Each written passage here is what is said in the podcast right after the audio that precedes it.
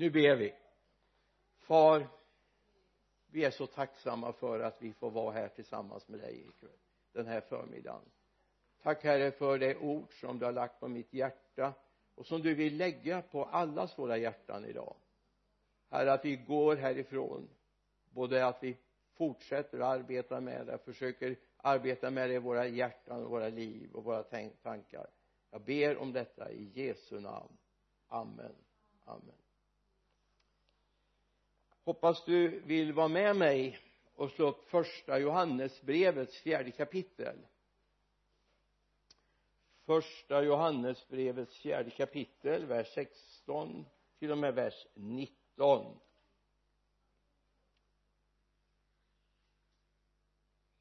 vi och vi har lärt känna den kärlek som Gud har till oss och tror på den.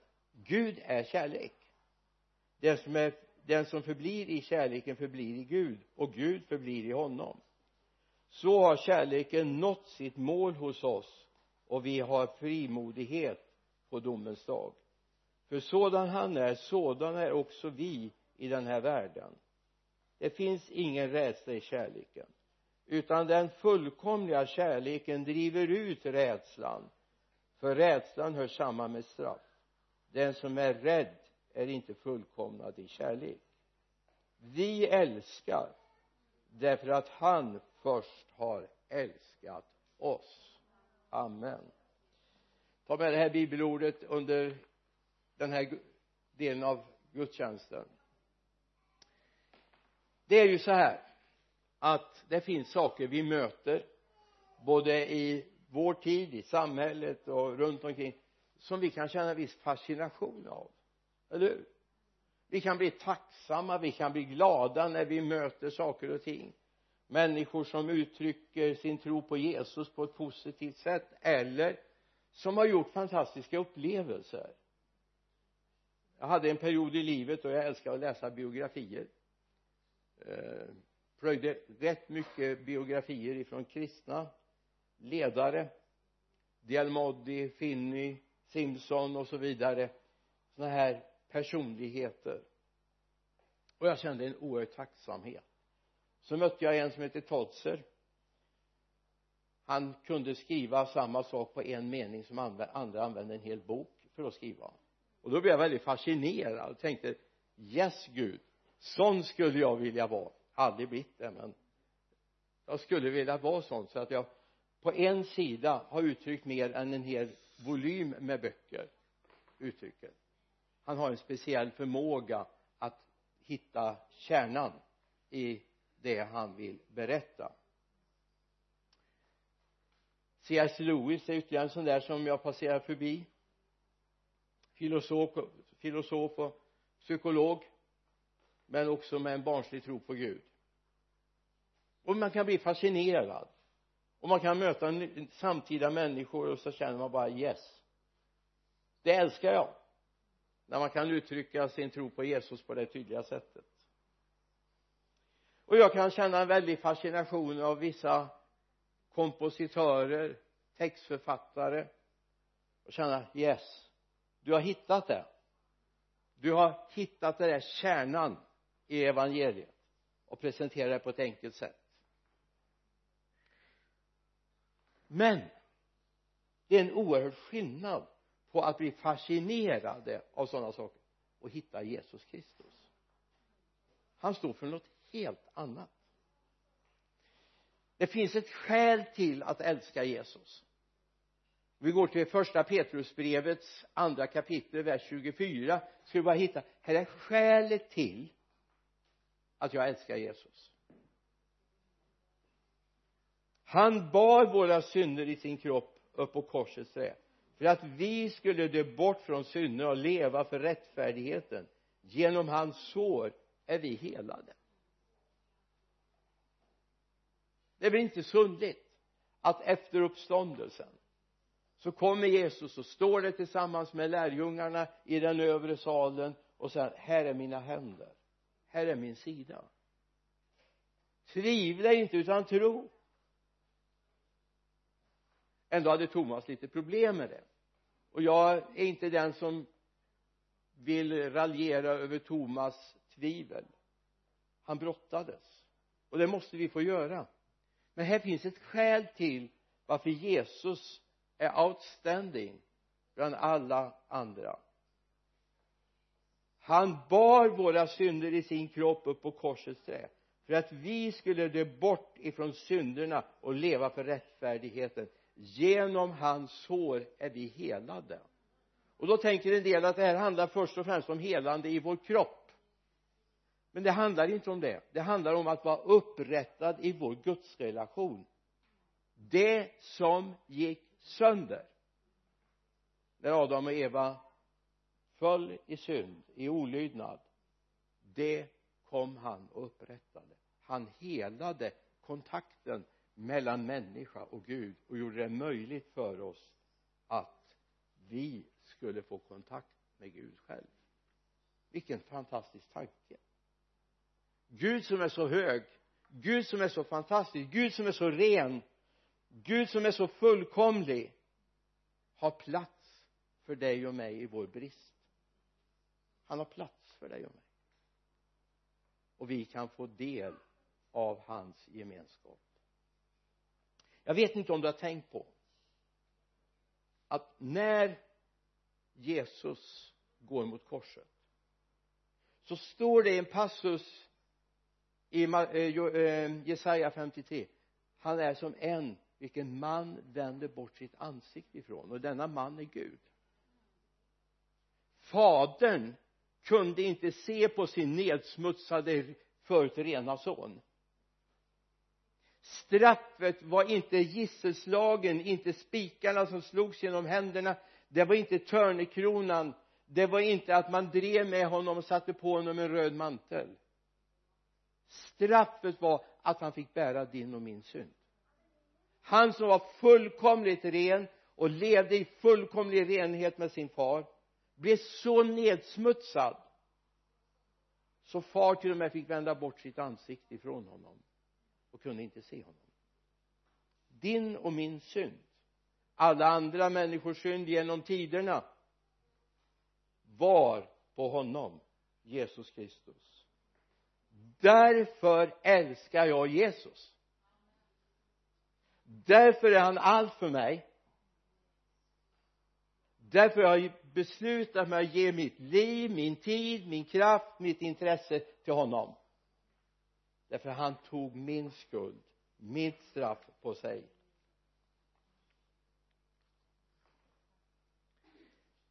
Men Guds kärlek är mycket större än vad du och jag kan tänka oss. Jesus gjorde inte det här. Gud fader lät inte Jesus göra det här för att få gilla markeringar.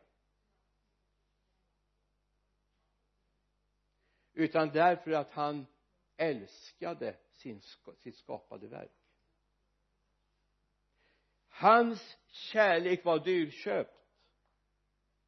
Jesus fick ge upp andan. Han fick besluta sig för att dö det är som han säger om inte han hade velat så hade han fortsatt att leva. Ingenting i världen kunde tagit livet av Jesus. Han var livet men han beslutade sig för att ge upp andan. För att gå ner i dödsriket. För att förkunna för dem som var fångar ifrån Noa dagar i fängelser om den frihet som man kan få i Jesus Kristus. Det var en dyrköpt kärlek men han gjorde det för din och min skull. Några bibelord som är ett vittnesbörd på vad Jesus gjorde. Romarbrevet 5.8 men Gud bevisar sin kärlek till oss genom att Kristus dog för oss medan vi ännu var syndare. Tänk dig in i det. Alltså Jesus gör det här innan han vet om någon enda människa ska svara upp på det. Ja men han var ju allvetande. Ja men beslutet ligger hos dig och mig. Han visste vad han ville man kunde inte besluta åt dig och mig. Han dog för oss medan vi ännu var syndare och sen kommer det här bibelordet som väldigt många kan. Jag ska inte säga alla för att idag är en bibelkunskap en, en bristvara i Sverige. Och det är Johannes 3 och 16 så älskade Gud världen att han utgav sin enfödde son för att var och en som tror på honom inte ska gå förlorad utan ha evigt liv och vi tar med vers 17 också. Gud har inte sänt sin son till världen för att döma världen utan för att världen ska bli frälst genom honom. Gud sände Jesus för att du och jag skulle få upptäcka Guds kärlek. Jag blev lite chockad häromdagen när jag hörde en evangelist sa det att Jesus frälser inga idag. Jesus frälser inga människor idag det gjorde han för 2000 år sedan.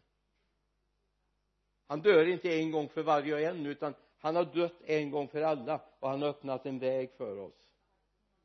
Och den får vi ta emot. En liten negativ passus. Låt det bara få vara en parentes men jag vill ha med den. Någonting som smärtar mig. Det är när vi har missförstått vad Guds kärlek är och vem Gud är. Och vilka vi är i Guds gemenskap. De här människorna som dyrkar även i kristna sammanhang dyrkar skapade människor.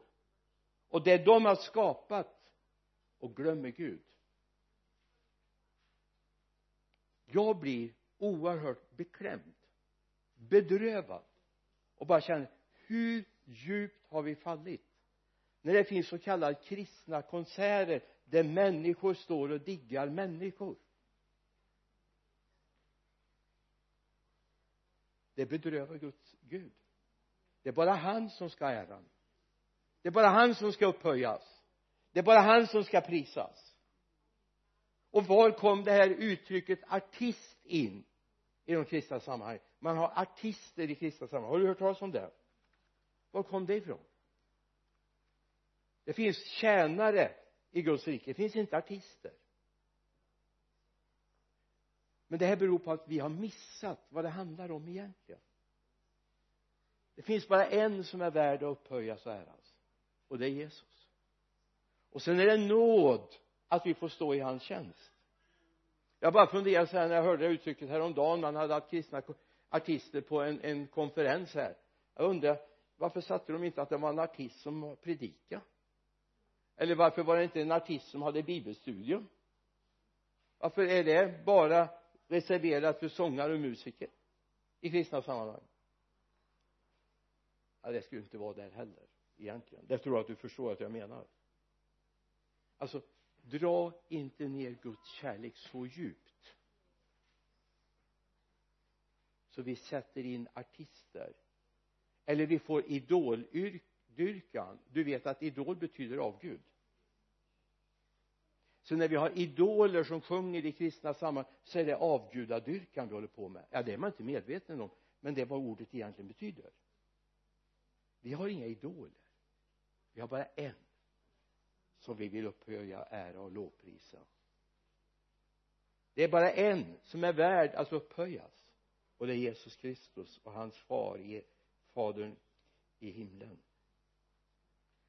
För övrigt har jag inte mycket av destruktivitet att beröra utan vi läser romarbrevets första kapitel verserna 24 och 25 och så tar vi med det här och så ber vi över det sen va?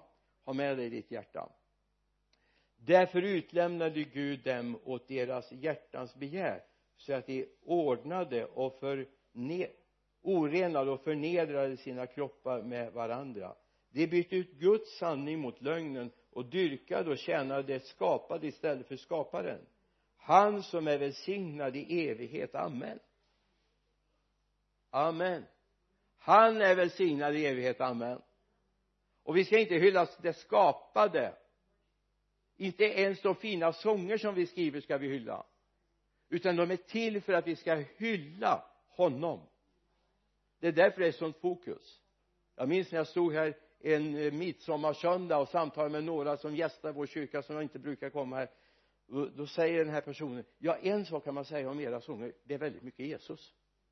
Och det är väl bra kommentar, eller hur? Det var en människa som inte brukar gå till kyrkan och inte varken här eller någon annanstans. Det var väldigt mycket Jesus i era sånger. Det är väl gott va? Det är ju det vi vill vi har inte livsberättelser och så vidare utan vi pekar på honom. Det är viktigt. Det är viktigt att vi hittar den äkta kärleken. Inte tillfälliga känslor. Du vet det kan komma saker som gör att vi känner oss lite kittlade sådär och men det är inte det vi sysslar med. Vi måste upptäcka vad är det? Vilken kärlek är det? När vi läser till exempel i första Johannes 4 och 19 vi älskar därför att han först har älskat oss. Vad är det för någon kärlek? Ja det är inte eroskärleken. Alltså det här att behaga människor. Utan det står agape. Det är den kärleken som är den utgivande kärleken. Den där som kostar ett pris det är det som står. Vi älskar alltså vi är beredda att utge oss därför att han har utgett sig för oss. Därför att han var beredd att betala priset så är vi beredda att betala priset. Vi tänker inte så här att ja vem tackar mig för att jag gör det? Det gör man i världen ja men om jag ska skula toaletterna i kyrkan eller jag ska städa så funderar man vem tackar mig för det? Eller laga maten eller vårda sig om huset när ingen ser att man är här? Vem tackar mig för det? Ja det gör man i världen. Men vi gör det därför att vi älskar Jesus. Det är en väldig skillnad. Det var den första kunskapen jag fick när jag var nyfrälst. Den första undervisningen jag fick det undervisningspasset av Joel Blomqvist hette han som tog sig an mig när jag var nyfrälst 18 år gammal. Visste inte mycket men en sak sa han du vi gör inte det här för de andras skull vi gör det för Guds skull. När vi stod där och skrubbade de här gamla toaletterna i Victoriakyrkan i Mariestad alltså man behövde ha klädnypa och gasmask på sig när man höll på där. Vi gör det inte för de andras skull vi gör det för hans skull som har kallat oss därför vi älskar honom. Så är vi här och skurar toaletterna. Det var en bra utbildning för en kommande pastor. Att börja på toaletterna i en gammal nedsliten kyrka från 1800-talet en trappa ner. Men vi gör det inte för de andras skull. Vi gör det inte för att bli sedda. Sen är det ju så att om man inte skurar toaletterna så ses det ju men inte när man gör det men att man har inte gjort det. Det märks vi älskar därför att han först har älskat oss. I romarbrevet 5 och 5 och hoppet sviker oss inte för Guds kärlek är utgjuten i våra hjärtan genom den heliga ande som han har gett oss.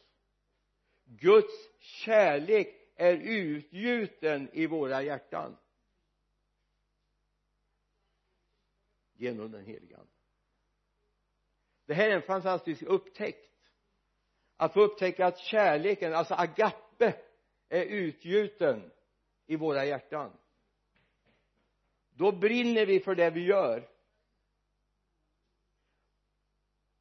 Då sätter vi oss inte på åskådarläktaren och tänker undrar hur de ska fixa det här. Utan då tänker jag så här hur hjälper jag till för att fixa det här? Det är den naturliga frågan. Så fort vi kommer in i det här att jag undrar vad de ska säga nu om att jag har gjort det här. Och då har vi trillat vid sidan om. Jag gör det för hans skull. För att jag älskar honom så gör jag det. Jag är älskad av honom med hans utgivande kärlek. Han dog för mig för att bevisa sin kärlek till mig. Till sin till hela skapelsen han dog för mig. Det är inte för att någon ska komma och klappa mig på huvudet och säga vad duktig du är. Bekräftelse är inte fel. Det är inte fel att tacka varandra. Men jag gör det inte för bekräftelsens skull. Utan jag gör det därför jag älskar Jesus. Det är inte så att jag säger att nu får ni inte hålla på och tacka varandra längre. Det får ni gärna göra. Men vi gör det inte för det. Utan vi gör det därför att vi älskar Jesus.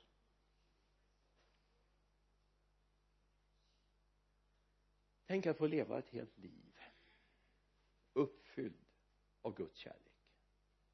Det är något fascinerande. Alltså det, det var en sån revolution i mitt liv när jag blev frälst och började upptäcka vad Gud verkligen är. Jag hade en massa idéer och tankar och bilder av vem Gud var. Jag menar jag är uppvuxen i ett kristet hem. Jag hade hört bibeln läsas men jag hade inga egna erfarenheter men så helt plötsligt så drabbas jag av den heliga ande. Jag säger drabbas för det var en sån här revolution i mitt inre när jag helt plötsligt såg på saker och ting på ett annat sätt.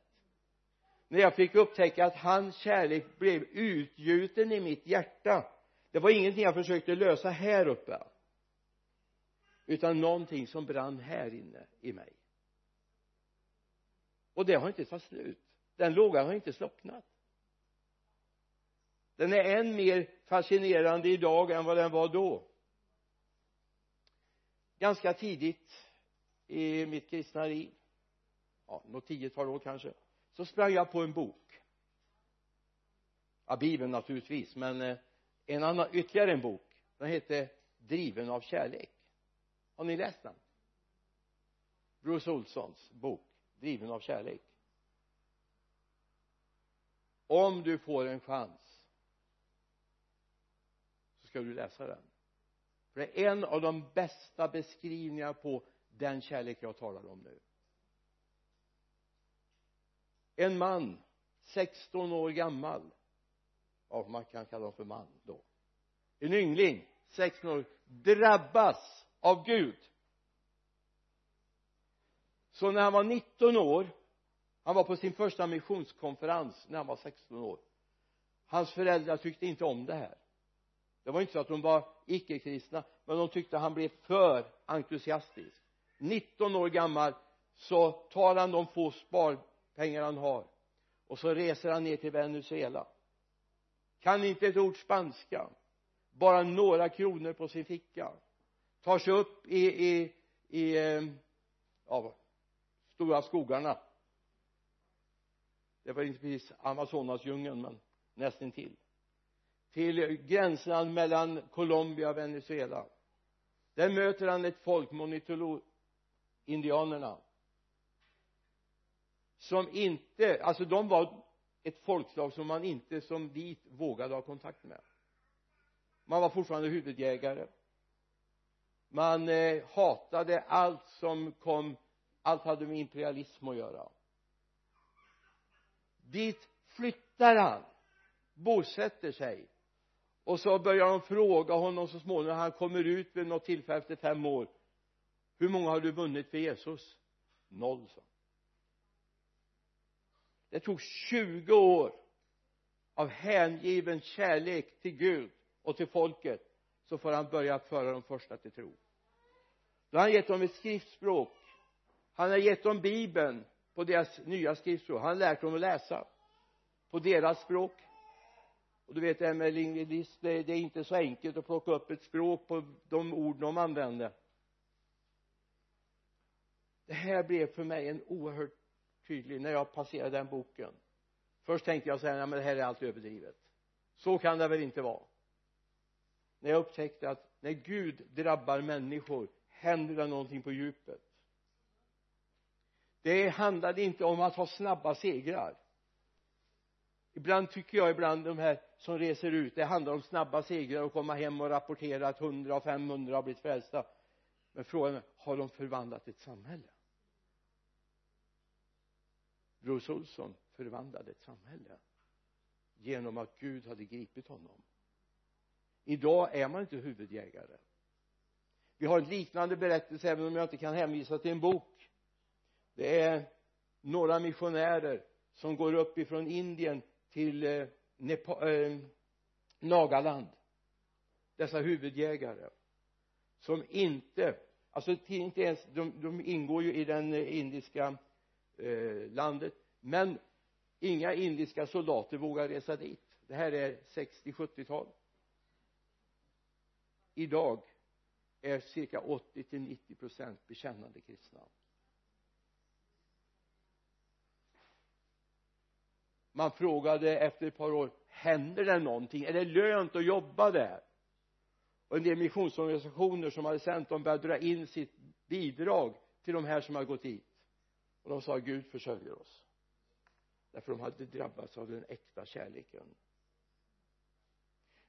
Tänk när vår värld, vårt land, vår stad får bli drabbad genom dig av den äkta kärleken. Inte bara snabba framgångar, snabba vinster utan vi vill förvandla någonting. Där Jesus kommer in. Idag finns det i eh, Nagaland församlingar som är grundade av människor ifrån Nagaland. Man försöker hitta den ena platsen efter den andra och det växer fram församlingar. Idag är man inte huvudjägare längre. Idag ser man inte som en triumf att ta livet av människor och ta fram deras huvud och hänga upp dem på det man har ändrat ett samhälle. Eller när jag var borta i Korea 1979 så var det fortfarande ett land som var präglat av hinduism, satanism eh, nej inte jo, satanism eh, och hinduism. Lite konfucism också ifrån Kina de kristna var i 0,1 procent. Idag räknar man i alla fall över 30 procent är bekännande pånyttfödda kristna. Idag har man söndagen som helgdag. Jag var nere på, på lördagen och fredagen och lördagen i stan. Och det var märkligt. På fredagen var alla islamska affärer stängda och på lördagen var alla judiska butiker det var inte många men det fanns några stycken de var stängda. Och de sa på torsdagen då var alla hinduistiska butiker stängda. Idag är det söndagen som är den stora högtidsdagen. Även för de andra. Det har hänt någonting. Det har hänt någonting. Därför att man beslutar sig det handlar inte bara om människors omvändelse det handlar om att förvandla ett samhälle. Och det är den drömmen jag har över Sverige vi vill ha ett återevangeliserat Sverige. Men då är det inte kortsiktigt utan det handlar om att Gud får förvandla oss. När vi börjar förstå vad som är äkta kärlek när vi genomsyrar landet av äkta kärlek i första korinterbrevet det här som oftast läses bara i samband med vigslar och bröllop jättefint då med men det här är egentligen ett ord till församlingen. Vi läser ett par verser i första kor 13 vers 4 till vers 7 kärleken är tålig och mild. Kärleken avundas inte den skryter inte den är inte uppblåst. Den beter sig inte illa den söker inte sitt. Den brusar inte upp den tänker inte på det onda. Den gläder sig inte över orätten men gläds med sanningen allt bär den, allt tror den, allt hoppas den, allt uthärdar den. Det här är en bra bild av kärlek, eller hur? En äkta bild av kärlek. Det handlar inte om kortsiktighet utan det handlar om någonting som får prägla oss på djupet som förvandlar vårt tänkande. Jag menar det finns ju en mängd bibelord i nya testamentet som vi skulle kunna lyfta upp och säga men det här står ju här andra Korinthierbrevet 5 och 17 om någon är i Kristus så är han ny skapelse. Det gamla är förbi något nytt har kommit.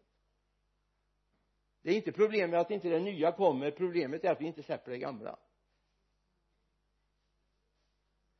Dopet är en sån här underbar brytpunkt i livet. Det var det för mig. Nyfrälst.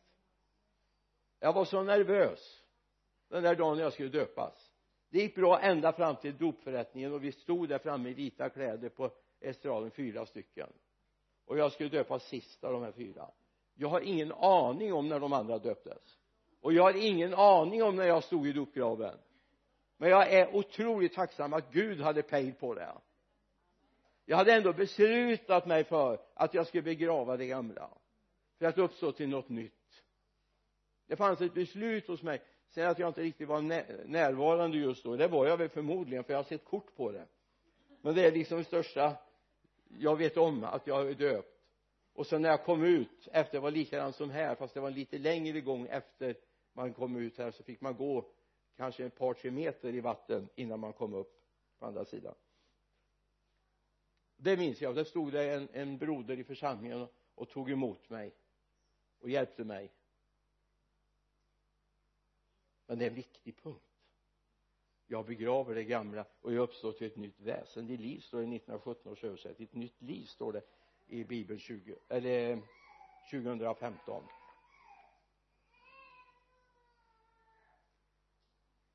vi behöver få upptäcka lyssna det omvända kärleksbudskapet. Det omvända kärleksbudskapet alltså inte detta att jag är så oerhört fascinerad utan jag är bara upptagen av att han älskar mig. Jag är upptagen av det. Och så beskriver han hur det ska vara. Nu får du hålla i dig verkligen. Alltså spänn fast säkerhetsbältet nu. Jag är på att säga sätt handen framför munnen så du inte ropar rätt ut nu. Matteus 5 vers 43 och några verser framöver. Det här är någonting som är skrivet till dem som har fått tag i den äkta kärleken. Det här är skrivet till dem som har fått tag i den äkta kärleken. Och så här. Ni har hört att det är sagt du ska älska din nästa och hata din fiende. Jag säger älska era fiender och be för dem som förföljer er. Då är ni er himmelske faders barn. För han låter solen gå upp över onda och goda och låter det regna över rättfärdiga och orättfärdiga. För om ni älskar dem som älskar er vilken lön får ni för det? Gör inte tullindrivarna det också? Om ni har två om ni bara hälsar på era bröder vad gör ni för märkvärdigt med det?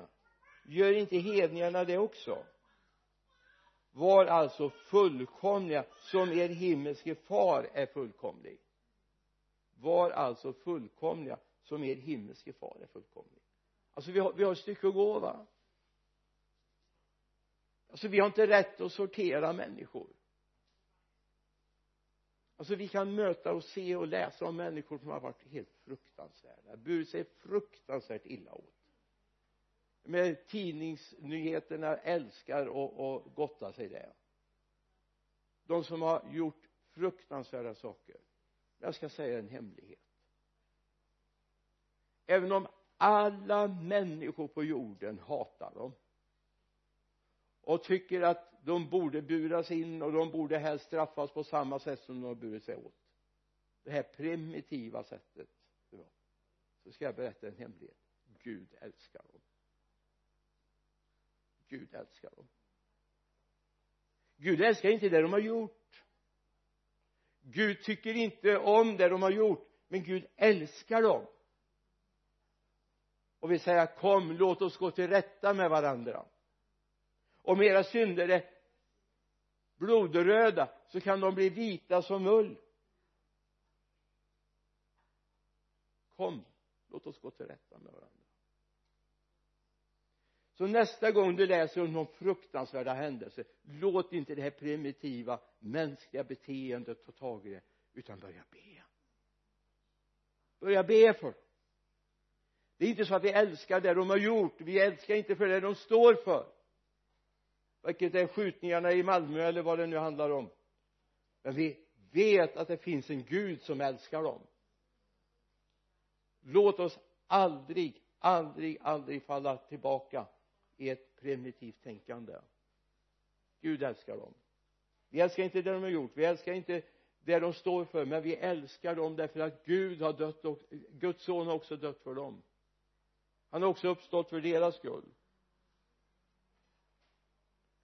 Därför kan aldrig låt mig få säga det aldrig dödsstraff vara okej. Okay. aldrig. Ingen människa har rätt bestämma över liv och död över någon människa. Det är viktigt att säga det. Det finns en Gud som älskar och som inte ger hopp, upp hoppet. Det gjorde han inte om dig heller. Du var ju kanske inte sån. Men en sak ska jag säga dig. Du kunde ha hamnat där också. Men det fanns en Gud som kom emellan.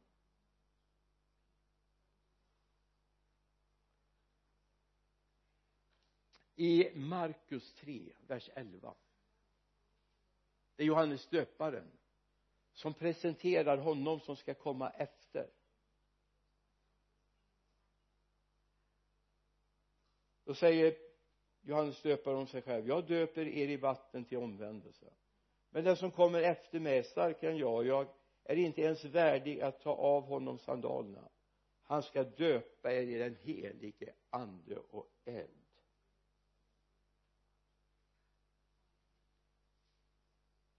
Är det någonting som har börjat brinna inom mig så är det det här att Gud ska döpa oss i den helige ande och eld. Att vi brinner för det.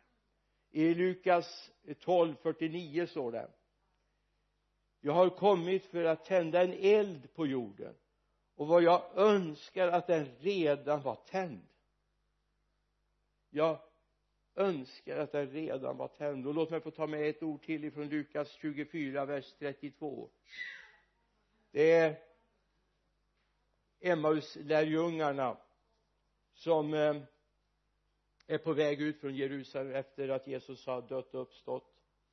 De är inte riktigt klara över att han faktiskt var tillsammans med dem. Och så har han förklarat skrifterna för dem och så fattar de att ja men oj Jesus var ju där. Vi fattar inte det. Och sen vi sa till varandra brann inte våra hjärtan i oss när han talade med oss på vägen? När han öppnade skrifterna för oss. Brann inte våra hjärtan i oss när han talade med oss på vägen när han öppnade skrifterna för oss. Alltså det är så viktigt att vi får tag i den här elden i vårt inre att den helige ande bara för, förvandlar vårt tänkande vårt sätt att vara, reagera och möta människor. Så att vi förstår att det är en eld Gud har placerat här Jeremia säger att oh, han försökte tiga men han kunde inte hålla emot elden. Den vart för stark. Och jag är rädd ibland att den elden har slocknat. Så vi börjar titta på omständigheterna istället. Titta på vad vi orkar och inte orkar och kan och inte kan. Istället för att se att det finns en eld som brinner.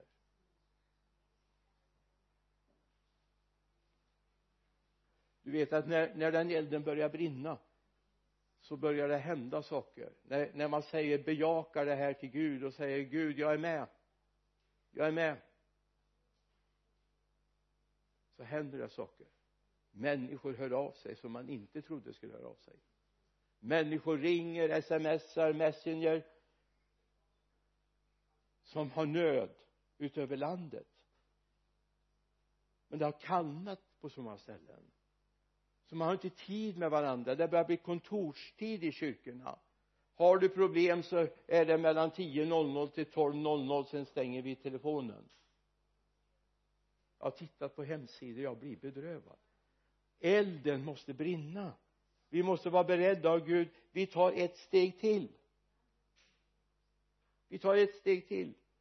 Därför världen ska vinnas nu inte i nästa år den här staden ska vinnas i år. Våra kvällar i skräckland är inte till för oss de är till för de andra. Men vi är där och tjänar Gud. Och frågar oss inte orkar vi? Utan vi gör det därför Gud är kraften. Så till sist bara en liten enkel konklusion av det här eller sammanfattning den här landet den här staden dina grannar, dina arbetskamrater de är värda att elden får brinna i dig. De är värda det. De är värda att få höra att det finns en Jesus som har dött för dem.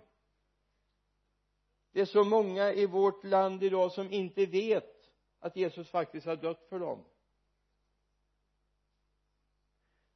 De vet inte om att det finns en utgivande kärlek. De vet bara om att det finns en tillfredsställd kärlek där vi ska tillfredsställa varandra på olika områden. Men det finns en utgivande kärlek en som brinner för att förändra landet. Det finns några sådana här hängivna kristna jag möter i vår tid. Jag ska inte börja namnge dem. De här som verkar ha istället för 8, 9, 10, 12 timmar per dygn verkar de ha 30, 40 timmar per dygn. Jag vet inte hur det går till. Det finns en man som jobbar med flyktingar. Han har blivit lite av Sveriges flyktingpastor. Alltså när andra advokater som har det här som heltidssyssla klarar av hundra fall på ett år så har han kanske fem, sexhundra fall och varje möter han med omsorg och kärlek. Han bygger samtidigt församling. Han är pensionär. Gammal gymnasielärare.